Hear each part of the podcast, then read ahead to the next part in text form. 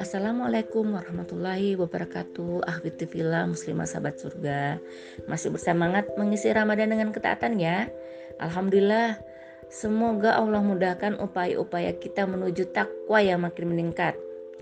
Ramadan adalah sajidus suhur Pemimpinnya para bulan Semoga dengan peningkatan amal soleh kita di bulan ini Sejak awal bulan hingga akhirnya Sanggup menjadi kebiasaan dan memimpin bulan-bulan berikutnya Amin. Ahwati sehebat apa pun manusia, manusia tetaplah makhluk yang doif. Ilmu yang diberikan hanya sedikit. Sebagaimana firman Allah dalam surat Al-Isra ayat 85. Wa ma utitum minal ilmi illa qalil dan tidaklah kalian memiliki pengetahuan kecuali sedikit.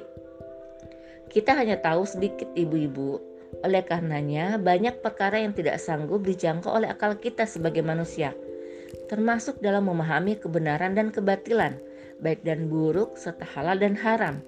Nah, oleh karena itu, manusia membutuhkan petunjuk yang mampu membedakan hal tersebut tentang baik dan buruk, serta benar dan salah, yang akan mengantarkannya pada surganya Allah Subhanahu wa Ta'ala.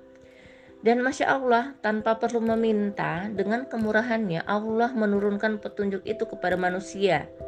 Dia mengutus Rasulnya Muhammad Shallallahu Alaihi Wasallam membawa Al-Quran menjadi Al-Furqan, pembeda atas standar yang sama di tengah masyarakat. Sebagaimana dalam surat Al-Furqan ayat 1 Allah sampaikan, Maha suci Allah yang telah menurunkan Al-Furqan atau Al-Quran kepada hambanya agar dia menjadi pemberi peringatan kepada seluruh alam. Al-Quran disebut sebagai Al-Furqan karena Al-Quran berfungsi membedakan dan memisahkan antara yang hak dan yang batil dengan hukum-hukumnya atau antara yang dikokohkan dan dibatalkan. Mana yang kokoh yang kemudian kita diminta melaksanakannya dan mana yang lemah sehingga kita batal atau tidak boleh melaksanakannya.